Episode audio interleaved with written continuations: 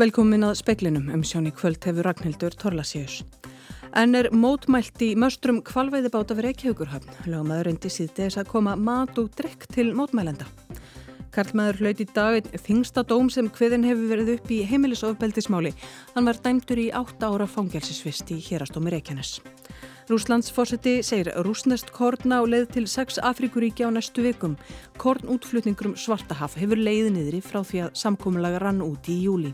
Og hér að saksóknari hefur hafið rannsókn á myndu mútubroti í sveitarfélaginu Árborg. En eru að höfn aðgerða sinnar eru enn upp í möstrum kvalviðiskipana í Reykjavíkur höfn. Lögumæður og fleiri hafa reynd að koma mat og drikk til þeirra í dag.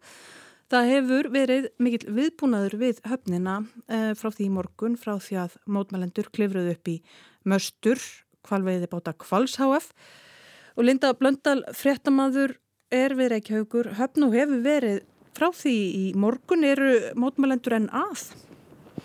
Já, Ragnhildur, uh, það passar, þetta er kvalur 8 á kvalur 9 og þær eru enþá hérna upp við möstrin, þetta er svona, þetta eru svona ílangar tunnur sem þær eru ofan í og, þær eru að spjalla sín á milli, svona milli mastra, uh, en það var uh, klukka 6 í morgun klukkustund um það bíl eftir að þær komu upp í möstrin, að þá kom hér kvarfubíl, uh, náði upp til annar þeirra og tóka vinni bakpókan og síman, Þannig hún hefur verið vasslis og matalus uh, síðan. Uh, fólk hefur hér eins og uh, var nefnt að það hefur reynd að koma matið þeirra en það hefur ekki, ekki gengið. Þetta eru þar Elisa og Anna Hýta. Ég rætti við hér hana Lindu Írisi Emilsdóttur lögumann. Hún er staðgengill Katrínar Ottsdóttur, lögumanns náttúruvendarsamtaka Íslands og Linda Íris, ég rætti við hana hér þar sem hún var meðal stöðningsfólks kvennana hér á sjötta tímanum í dag. Erindi mitt hinga er í rauninni bara að uh, aðeins að skoða aðstæður hérna uh, og sérstaklega að fá að tala við lauruglu og reyna að fá upplýsingar um uh, aðgerir þeirra hér í dag. Um, hver, hver tekur þessar ákvarðanir um að þá kannski sérstaklega þegar að bakbóki annars mótmælanda var tekin af henni í morgun og þessar ákvarðanir lauruglu með það sem hefur búin að vera að sjá allavega í fjölmjölum um það að fara ekki með vatn til þeirra og mat sem að aðrir hafa komið hérna með til mótmjölanda í dag og á, á hverju þessar aðgerir lauruglu byggja. Um, og það sem við erum að hugsa í rauninni bara núna stöð, svo stöttu so er uh, örgi mótmjölandana og að þær, þær fái já, bara að, að mótmjöla friðsamlega á örgan hátt Linda Íris Emilsdóttir lagumæður þarna. Og þannig heyrðum við í bakgrunni uh, konu sem er með hljóðkerfi, það er svona, já kannski svona 25 uh, stuðningsmenn hvænana hérna eða mótmælendur. Og uh, þannig var, var að vera að senda hveðju frá móður Elísu kvartningar orð og, og það var líka verið spilið lög hérna sérstaklega sendt til þeirra. En það er mjög rálitt yfir hér í dag frá svona klukkan kannski þrjú lítið gerst nema lögreglan færði. Uh, stuðningsfólkið uh, svolítið fjær uh, skipunum en það er allt óvist um hvernig þetta fer. Linda, heldur þú að það er verðið þarna áfram í nótt? Sýnist þér það svona, getur þú ímyndað þér það?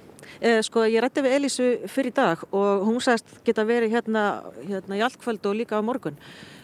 Skal ekki segja með hérna Anna Hítu sem er ekki með vatn og ekki neitt mat en það var einhver sem nefndi þetta kannski ágætlega að þetta væri nú orðið eins og störukefni og hefði verið það svolítið lengi mm. en uh, við fylgjumst áfram með hérna einhvern veginn endur þetta allt saman og uh, við fylgjumst áfram með segjum ekkur betur frá og sínum eitthvað myndir í kvöldfritum sjóarps. Takk fyrir það Linda Blöndal við Reykjavíkur höfn og við færum okkur yfir í allt annað. Því Karlmaður hefur verið dæmdur í átta ára fangelsi fyrir andlegt, líkamlegt og kynferðislegt ofbeldi gegn eigin konu sinni. Brotin voru framin á fjögura ára tímabili frá 2019 til 2023. Hann hefur settið gestuvarhaldi frá því í februar á grundvelli brítna almanna hagsmuna. Maðurinn brautað mestu gegn eiginkonu sinni inni á heimili þeirra. Leita þarf aftur til ásins 2010 til að finna álíka þungandóm í máli sem varðar heimilisofbeldi. Vladimir Putin, rúslandsforseti, segir að það stittist í, stittist í að samkómulega náist um að senda korn til sex Afríkuríkja þeim að kostnæðarlösu. Rússar neituðu að framlengja samkómulag saminuð þjóðana um kortflutninga yfir Svartahafi í júli. Pútín greindi frá því á bladamannafundi með Recep Tayyip Erdogan fórsetta Tyrklands að kornflutningar rúsa hefist innan fára vikna. Bæði Úkræna og Rúsland hafa skipulagt kornflutninga eftir að samkómulag saminuðu þjóðana um útflutninga á korni frá Úkrænu yfir Svartahaf rann út í júli. Pútín sagði rúsa reyðu búin að setjast aftur að samningaborðinu um leið og hömlum á útflutningi þeirra verður aflétt. Þeirra var gaggrínt samkúmulæðið sem saminuðu þjóðirnar stóðu að og sakað vesturveldin um að beita óbeinum viðskiptaþvingunum gegn korn og ábyrðar útflutningi með því að takmarka aðgang þeirra að alþjóðulegu greiðslu og tryggingakerfi. Tyrkir vonast til að bæði rússar og úkrænumenn samþykki áframhaldandi samkúmulagum kornflutninga á Svartahafi og hafi það að leiðarljósi í friðarviðræðum. Spenna hefur aukist verulega við svartahaf undanfarna mánuði. Rúsar hafa gert árásir á helstu útflutningshafnir Úkrænu og Úkrænu menn á móti ráðist gegn bækistöðum sjóhers rúsa og herskipum þeirra á hafinu. Robert Jóhansson sagði frá. Börn með erlendan bakgrunn eru miklu líkleri til að vera lögði í einelti en börn af íslenskum uppruna. Í fjórðabekk upplifa 33% barna af erlendum uppruna einelti en 18% barna með íslenskan bakgrunn. Þetta er meðal þess sem að kemur fram í íslensku æskulísrannsókninni sem kynnt var á farseldarþingi í dag. Einelti mingar eftir því sem að börn eldast. Í tíunda bekk upplifa 4% barna af íslenskum uppruna einelti en um 9% barna með erlendan bakgrunn. Nánar verður fjallaðum rannsóknina sem er viðamikil síðar í speklinum. Hér að saksóknari hefur hafið rannsókna á myndum úturmáli í Sveitarfélaginu Árborg og bóðað bæjarfulltrúa í skýrslutöku. Hér að saksóknari hóf rannsóknaði inn fyrir umhverði vegna umfyllunar um málið í fjölmiðlum. Tómas Ellert Tómasson, fyrirrandi bæjarfulltrúi miðflokksins í Árborg, hefur verið bóðaður í skýslutöku en hann átti sæti í bæjastjórn Árborgar árið 2020. Tómas segir að Leo Árnason fjárfestir hafa á þeim tíma bóðið honum og miðflokknum fjárhagslegan stuðning í sveitarstofnarkostningum gegn pólitískum greiða. Leo vildi að fallið virði frá kauptilbóði í landsbankahúsið á Salfossi. Árborg átti hæsta tilbóðið en fyrirtæki Leos Sigtún næst hæsta bóð. Daflaði heimildin hefur eftir Tómas eða tilefni skýslutökunar sér ansókn á mögulegu mútubróti. Alexander Kristjánsson saði frá. Umhverfisráðara hefur sett af stað vinnu við kortlagningu loftgæða í leiku grunnskólum. Samkvæmt tilkynningu frá umhverfisráðunitinu eru engin viðmið til í reglugerðum um ástand inni lofts í grunnskólum en eftirlit með því er á höndum heilbreyðisnefnda sveitarfélaga. Haft er eftir ráð þeirra að bregðasturfi við fjölda miklu tilvika í skólum landsins og endurskoða allt regluverk sem tengist loftgæðum innandira. Brynborg brást rétt við þegar að alvarleg netárás var gerð á upplýsingakerfi fyrirtækisins í síðustu viku að sögn fórstöðumanns neturuggisveitar Sertis. Fórstjóri Brynborgar segir árásuna hafa haft minni áhrif en búist var við. Alvarleg netárás var gerð á upplýsingakerfi Brynborgar á þriðudag og gögn tekin í gíslingu. Árásin var tilkinn til personuvendar og Sertis neturuggisveitar. Guðmundur Arnar Sigmundsson, forstöðumæður Sertís, segir fyrirtækið hafa gert allt rétt. En sem komi er séu engar vísbendingar um að árasinn sé hluti af herrferð netþrjóta. Hann segir hann að vera áminningu til fyrirtækja um að dölkóða gögn og eiga afrit af þeim. Einnig sé mikilvægt fyrir fyrirtæki að vera með viðbræks áallun vegna svona árasa. Egil Jóhansson, forstjóri Brymborgar, segir í samtali við fréttastofu að starfseminn sé orðið nokkuð megin eðlileg á ný. Loka þurfti tölvukerfum fyrirtækisins í 48 klukkutíma eftir árásina. Þar sem fyrirtæki hafi tekið afrita gagnanum hafi verið hægt að nota þau til að setja upp nýjan gagnagrunn. En sé þó verið að rannsaka málið. Samlega rannsóknu hvernig svona fór sé líka verið að rannsaka hvort gagn hafi rata út úr húsi. Það er hvort þau hafi verið tekin en gagnagrunnunum ekki aðeins læst. Ekki hafa fundist vínsbendingar um það hinga til. Ingi Björg Sara Guðmundsdóttir tók saman. Útbreðsla viltra úlfa á meginlandi Evrópu er farin að ógna bæði búfjanaði og í sömum tilvöku mannfólki. Þetta segir Úrsula von der Leyen, fórsætti framkvæmtastjórnar Evrópusambandsins. Úlfar voru nær útdauðir í Evrópu upp úr meðri síðustu öld eftir mikla ofveiði en síðan þá hafa mörg ríki álfunar friðað úlfa og stopnin vaksið eftir því.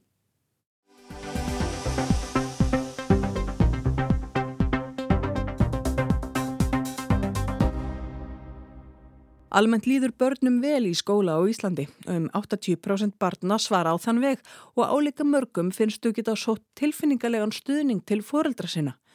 Meðal yngri barna eiga stúlkur auðveldara með að leita til foreldra en það snýst við á unglingsárunum. Þá eiga strákar auðveldara með að leita til foreldra sinna samkvæmt nýri æskulíðsrannsók sem kynnt var á farsældarþingi í dag. En líðan barna í skólanum eftir upprunna er mjög ólík.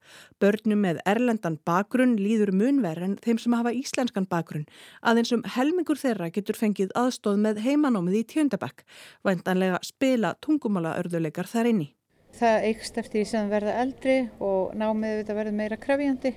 Við sjáum líka um 20% þeirra upplifa að vera innmanna í skólanum og upplifa líka að hérna, vera utangars í skólinum og þegar mann er líðið þannig í skólinum þá hefur það auðvitað áhrif á líka getur manns til þess að læra og, og þannig að þetta er svona bolti sem fyrir að rúla. Við því þarf að bregðast, segir Ragní Þóra Guðjónsson, lektor á mentavísindarsviði Háskóla Íslands. Hún er faglegur stjórnandi íslensku æskuliðsrannsóknarinnar sem kynnt var á farsældarþingi í dag.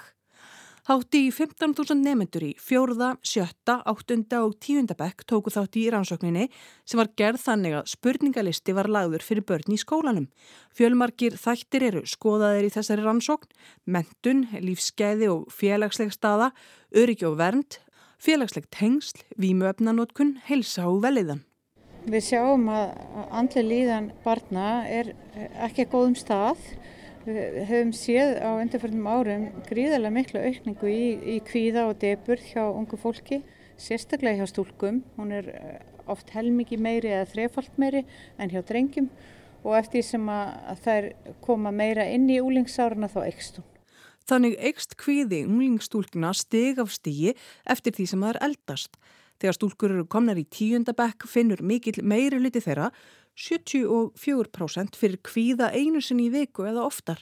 Á meðan fjölgar kvíðnum unglingstrengjum ekki mikið á þessum árum fyrir 31% upp í 38%. Sjálfsvíks hugsanir hafa leitað á hátt í 40% stúlkna í tíundabekk. Sumusögu er að segja um 21% drengja. 25% stúlkna hafa skadað sig viljandi undan farna 12 mánuði, 10% drengja. Það kom mér á óvart að sjá tölurnar um áðbeldi, kakvart börnum. Það hefur verið hérna, að verða þróun á Íslandi bæðið um heimilsóðbeldi og það hefur verið meiri umræða og rannsóknir á kynferðsóðbeldi. Þannig að, að þegar ég talaði við Ástu Farasveit, fórstjóra barna á fjölskyldistofi, að þá kom það henn ekki óvart og þetta er svona samram við það sem þau eru að upplifa hjá stopnunni. Þannig að við þurfum svo sannarlega að taka til mjög víða varandi þennan málflokk. Þetta eru óhugulegar tölur? Já, þetta eru óhugulegar tölur og það er um 10% eh, barna sem hafa orðið fyrir heimilsóbeldi eða upplifað heimilsóbeldi og orðið vittnaði. En við sjáum líka tölur varandi kynferðslegt ofbeldi að það sé 8-12% barna sem svara því að hafa verið snert kynferðslega af fullornum og miklu fleiri stúlkur, 11-17% að meðan að 4-5% drengja. Og síðan uh, hafa orðið fyrir því að fullurnar hafi haft við þau kynferðismög að það er 34% stúlna og 2% drengja. En við sjáum líka að þau verða fyrir kynferðisbrotum af öðrum ungmennum. Og þá erum við að horfa á 8-15% stúlna sem hafa upplefað að verða fyrir uh, kynferðisóbeldi af halvu annara ungmenna og 4-6% drengja. Og þetta eigst eftir því sem stelpunar verða eldri. Eldri, já, já nákvæmlega. Að segja krakkanir frá? Það er um 40% þeirra, ef við, ef við svona einföldum þetta, sem segja frá, sem að þýðir það að það er um svona 60% eh, barna sem segir ekki frá og er þá kannski ekki að fá viðhengandi aðstóð. Svo er annað sem að kemur manni óvart og það er hversu margir hafa orðið fyrir stafrænu kynferðisofbeldi. Það er hátt í helmingur unglinga í tíundabekk Hvað er átt við með, með stafrænu kynferðsóbeldi? Það skilgreynd þannig að þú hafi fengið sendt óviðægandi eh, efni án þess að óska eftir því. Mm. Og þetta eru auðvitað mjög háartölur og við sáum þetta á tími COVID að, að það jógst mjög mikið. Við erum ekkert komin út úr því mm. og við þurfum að áfram að vera mjög mikið á varbergi og þar hafa við þetta fóreldra alveg gífilega stórt hlutverk. Þannig erum við komin inn á svið uh, samfélagsmiðla og kláms og þið skoðuðuð hvort tveggja samfélagsmiðla notkun sem er mjög mikil og krakkar verðast eiga erfitt með að draga úr, er það ekki? Jú, uh, stúlkurnar nota samfélagsmeilina meira en, en drengirnir en aftur móti eru 70% strengja í tíundabæk sem að skoða klám á meðan að, að það er kannski eittriði af, af þeim hópi sem eru stelpur. Mm. Og þegar þið voruð að spurja út í stafræna kynferðsofbeldið, þið fóruð ekkert nánar út í það sko, hver, hver var að senda hinn á óvið eigandi mynd eða óska eftir einhverju myndum eða eitthvað slikt, er það nokkuð? Nei, við tókum ekki við til við þau, þannig að þetta er svona spurningalistakornin sem að, að, að þessa nýðustöður eru samt sláandi og tengjast og eru alveg í samræmi við niðurstöður í öðrum ábyrgsspurningunum. Það er alltaf spurt út í výmuöfnaneyslu í svona konunum og skemst er frá því að segja að það reykir varla nokkur lengur síkaretur í 8. eða 10. bekk. En það er hins vegar veipa því meira og það er algengara meðal stelpna. 15% stúlna í 10. bekk hafa prófað að veipa eða veipa ég vel daglega. 7% tíundubekkinga hafa prófað að nota nikotínpúða eða gera það ég vel daglega. 12% nefnda í tíundabekk hafa drukkið áfengi síðustu 30 dagana áður en að könunin var láð fyrir og 7% hafa eitthvað tíman prófað kannabis. Um 1% hefur prófað amfetamin eða kokain. Þetta kemur sem fyrr segir fram í íslensku æskulíðs rannsókninni sem kynnt var á þjættsetnu farseldarþingi sem haldi var í hörpu í dag. Og í ljós kom í þessari rannsókn að það er nokkur hópurunglinga í efstu deildum grunnskólans sem skrópar reglulega. Ragní Þóra Guðjónsson. Já, við, við sáum það. Það er meirinn 10% barna, kannski svona 12% sem að, að skrópa bara freka mikið í skólan sem að Eftir bendir til þess að þetta sé hópurinn sem að, er að upplifa skólafórðun og það hafa verið heilmiklar aðgerir í gangi til að tóa þennan hópinn og við erum að vonast til þess að farseldin ger það að verkum að við séum opnari fyrir því að tóka þessi börn inn í skólan, kannski fyrst tómstundir og eitthvað slíkt þannig að þau komu og sé í skólan og ég þó að þessi ekki siti í kennslistofun allir daginn þannig að þau séu allavega þá með og það sé einhver tenging við skóla. Já, af því að það ennast er oft erfitt fyrir þau að koma aftur. Ef við horfum á alla málaflokkana og reynum að innfalda þessa niðurstöður þá erum við kannski að horfa á svona 10-20% hóp barna sem er ofta að glýma við alls konar vanda. Mannlíðan hafa orðið fyrir áfalli eins og kynferðsófbildi, eh, kannski búa ekki við mjög góðar aðstæður eða hafa möguleika á að fá mikið stuðning heima við námið sitt eða andlega líðan. E, fara kannski að fyrta með hérna, í alls konar áhætti haugðun, fá útrás í slagsmálum fyrir ákveðna vanlíðan. Þannig að þetta er svona þessi hópur og ég sá einmitt að, að hérna, nýlega fekk ráð þeirra uh, menta, menta og barnamála að fenda skýsli þar sem er á að er sett fram ákveðna tillugur að stefnumótun í málunum barna með fjölþættan vanda mm. og þetta sjáum við auðvitað bara í niðurstöðuna. Þetta er þessi hópur og við vitum líka að niðurstöðunar um nótkunna á výmöfnum eru kannski ekki endilega absolutt af því að það getur verið að það sé börn sem er ekki svarað þessari konun sem eru þá komin í neysla á þessum árum. Mm. Krakkar sem eru kannski bara ekkit í skólanum þegar konunin er lögð fyrir? Akkurat.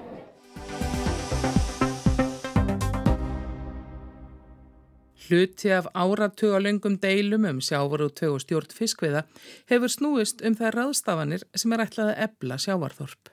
Í nýlegri skýrslu um auðlindina okkar sem starfsápur matvælar á þeirra kynnt í síðustu viku er vísa til þess að byggðakerfin eða 5,3% leiðin hafi verið bitbein í samfélagslegri umræðum sjávarútveg og á alþingi. Á ári hverju hleypur verðmætti ablaheimilda sem settar er í þessar ástafanir á miljörðum. Segir í skýslunni að það sé talið um 5,5 til 7,5 miljörður á fiskveiði árinu 2019 til 20. En það hefur verið erfitt að metta árangurinn. Markmiðin telast ekki vel skilgreint og áhrifin á byggðafestu frekar rýr. Meðal annars er lagt til að gerð verði tilraun og hluti af almenna byggðakvotanum sem hvað mest ósætti hefur verið um verði legður út. Afraksturinn renni beint til sveitarfélaga og línu ívilnun verði aflögð. Ráð þeirra hefur bóðað lagasetningu um sjávarútvegin á komandi þingi. Þóraldur Bjarnason, professor í félagsfræði við Háskóli Íslands og fyrirverandi stjórnaformaði byggðastofnunar, þekkir þessa umræðu vel og samtvinnun byggðaþróunar og sjávarútvegs á síðustu öld. Sko tógararnir, þeir voru, svona, voru í stærri bæjanum og síðan voru bátarnir sem voru undist að að þorpin byggðust upp allt í kringu landið. Þannig að þetta byggðaminstur sem við sjáum á landinu það er að stórun hluta vegna þróunar í sjárúti á 20. öldinni. Það var sem sagt tógari og fristihús í hverju þorpi á setni hluta aldarinnar. Afkastagetan fór langt fram úr auðlindinni, segir Þóróttur. Viðbræðið var kvótakerfið og hagraðingi greininni. Til þess að fækka skipunum og það var svo sem enginn sem sagði að það veri allt og mörg sjáarþorp á Íslandi en það var alveg klart að það yrði ekki sko öflugur sjáurútvegur í öllum þeim þorpun sem voru til staðar þegar kerfnum var komið á. Að markmið lagan er að venda fiskstofnana, reka hagkvæmnan sjáurútveg og tryggja atvinn og byggð í landinu. Þannig að þetta er þá er spurningin hvernig, hversu mikil áherslu lögð á, á hvert þátt og svona þróun hefur orðið svo að það hefur orðið til það sem er kallað 5,3% kerfi eða potur, að 5,3% af aflaheimildunum eru tekin út fyrir svega og nýtt í alls konar hluti, í strandveðar, í, í fiskveðar í kringum ferðarþjónustu og byggðakvóta, línu í vilin og svona, þannig fullt af verkværum sem eru, eru þarna sem að, að hluta til eru til þess að styrkja byggðir og hluta til að ná öðrum markmiðin svo tryggja bara aðgang fólks að, að, að jáfnveg þú er ekki kvóta þá getur þú komið og prófaði áfram í, í, í sjáratvegi. Byggðakvótarnir hafa oft verið já, umdeldir og hversu vel það, hefur það virkað? Já, sko, almenni byggðakvótin hann, eh, heldur sem allir saman hann hefur ekki virkað vel og hann er þannig að það er bara, það er risastort Excel-skjál sem að reiknar út hversu mikið byggðakvóta einstug byggðalög fá á hverju ári og það fer eftir í hvernig eh, sko, kvótastaðan hefur breyst árað undan og það þýðir það að byggðalög geta fengið nánast örfótönn í byggðakvota á einhverju tiltöknu ári og, og kerfið þannig að það er sagt og þetta verður þú að vinna á staðnum og það er ekki hægt að reyka arðbæra fiskvinnslu á einhverjum 100 tónnum eða, eða 400 tónnum eða eitthvað slíkt. Þannig að það hefur skapað vanda, það hefur líka skapað vanda að þessir útluta til sveitafélagana en þau verða síðan að láta einhverja báta fá kvotan og það sér að hver maður hvers konar vandræði það skapar fyrir kjörna fulltrúa að eitthvað fara að gefa vil hundruður miljóna í verðmætum til eins og ekki til annars. Þannig að þetta hefur skapað sko mikla óanægu og verið svona, svona erfitt og það hefur líka þetta hefur orðið til þess að í rauninni það að litlar heimildir dreifast víða bara eh, svona, eh, til þeirra sem að töpuðu mest í fyrra. Í rauninni hefur þetta bara verið að reyna að tryggja það að allir sökvi á samar hafa ef einhverjum gengur aðeins verð þá gefur hann pínlítið ef einhverjum gengur aðeins betur þá tekur á hann þannig að þetta kerfi það verður ekki tekist að nýta það til þess að ebla byggðafest í þorpunum. Og þá hefur verið reynd í mjög annað. Til dæmis hefur verið reynd það sem að hefur kallað sértækur byggðakvoti það sem að byggðastofnun semur við fyrirtæki um að nýta byggðakvoti til dæknu byggðalagi og sá sem að getur skapa flest heilsástöður fyrir kall og konur hann fær kvótan, þannig að það hefur svona verið, verið til. Þannig að menn hafi verið að prófa eitt og annað. Strandveðarnar einhverju leiti sko, styrkjaðar byggðirnar. Það er hins vegar ekki markmiðar að samkvæmt lögunum og það er ekki endilega víst að, að, að þetta sé besta verkværi til þess að styðja við byggðafestu. Ég vil þó ekki haft eins að aðra kosti Það kemur heldur ekkit fram í lögunum hvert markmið er með línu íviluninni, segir Þórótur. Línuveiðar, jú, einhver leiti taldar um hverjusvætni og skapa störf. Ættum en kvóta þá var hægt að fá viðbótar kvóta ef lína var beitt og stokkuð í landi. Var enginn sem sagði, já, störfi beitingu eru þau störf sem tiltengi þorfar mest á alda og þetta kerfið síðan vegna sko tækni framfæran í línuveðunum að þá, þá borgar sér ekki lengur fyrir útgerðir að þykja þessa línuvílun.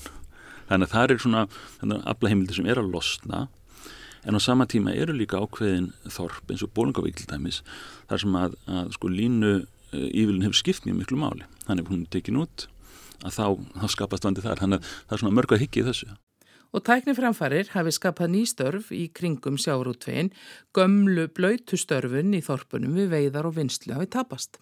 Og hugmyndin með byggðakvotan hefur svolítið verið að reyna að snúa klukkurinn tilbaka og reyna að fara aftur til 1970 reyna að byggja upp öll litlu sjávarþorfin aftur með mjög takmarkum heimildum og það veit allir þetta er ekki tægt þannig að stóra spurningin hefur verið þessi eiga öll þessi þorp að vera eh, sko, sjávarútusþorp til framtíðar?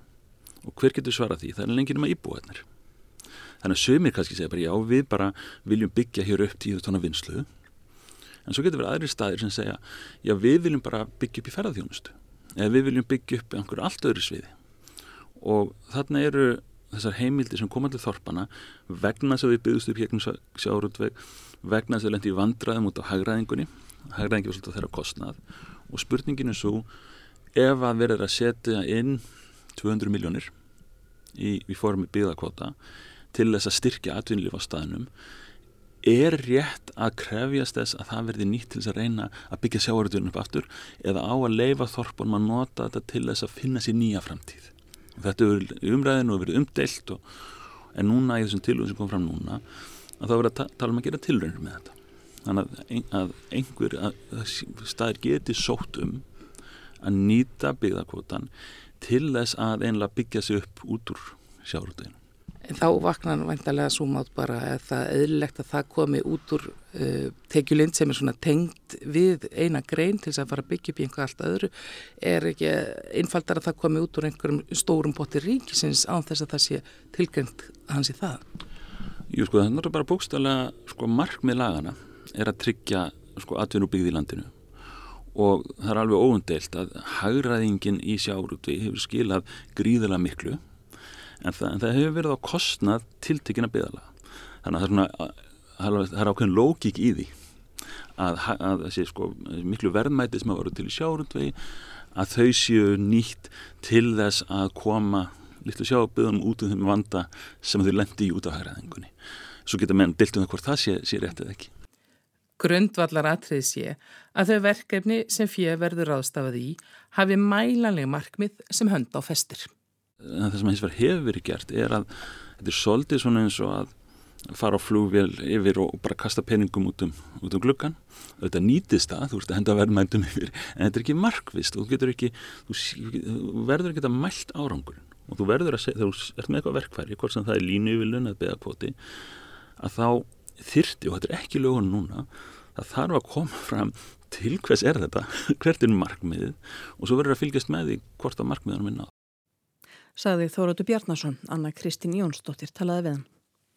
Í spekli kvöldsinn sagðu við meðal annars frá því að hann er mótmælt í möstrum kvalveiðibáta við Reykjavíkurhafn, lögmaður reyndi síðdeis að koma mat og drikk til mótmælenda. Karlmaður löyti daginn þingstadóm sem hviðin hefur verið upp í heimilisofbeldismáli. Hann var dæmdur í átta ára fangirsinsvist í hérastómi Reykjanes. Börn með erlendan bakgrunn eru miklu líkleri til að vera lögð í einelti en börn af íslenskum uppruna. Rúslands fórseti segir rúsnest korn á leið til sex Afrikuríkja á næstu vikum. Korn útflutningur um Svartahaf hefur leiðið niðri frá því að samkómulag rann út í júli. Hér að saksóknari hefur hafið rannsókn á myndu mútubroti í sveitarfélaginu Árborg og veður horfur á landinu til miðnættis annað kvöld Suðvestan 5-10 metrar á sekundu, yfirleitt bjartviðri á norðu-austanverðulandinu en þurft að kalla annar staðar. Hiti 8-16 stig yfir daginn, hlýjast á austurlandi. Gengur í sunnan og suðvestan 8-15 á vestanverðulandinu á morgun, skýja þar og ryggning með köplum síðdeis. Hiti 10-14 stig. Suðvestan 3-10 metrar á sekundu og austurhelmingi landsins með þurru og björtu veðri og hitað 19 stigum. Fleira er ekki í speiklinum í kvöld. Tæknimaður var Jón Þór Helgason, Annalisa Hermannsdóttir stjórnaði fréttautsendingu. Frettir eru næst í sjónvarpi og rástu klukkan 7, útastfrettir klukkan 10 og frettir alltaf á vefnum. Verðið sæl.